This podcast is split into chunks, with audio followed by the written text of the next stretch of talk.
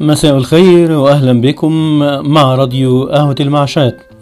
سيأتي على الناس سنوات خداعات يصدق فيها الكاذب ويكذب فيها الصادق ويؤتمن فيها الخائن ويخون فيها الأمين وينطق فيها الرويبضة قيل وما الرويبضة قال الرجل التافه في أمر العامه انظروا إلى حال عالمنا العربي من المحيط إلى الخليج ستتبينون معنى هذه الكلمة.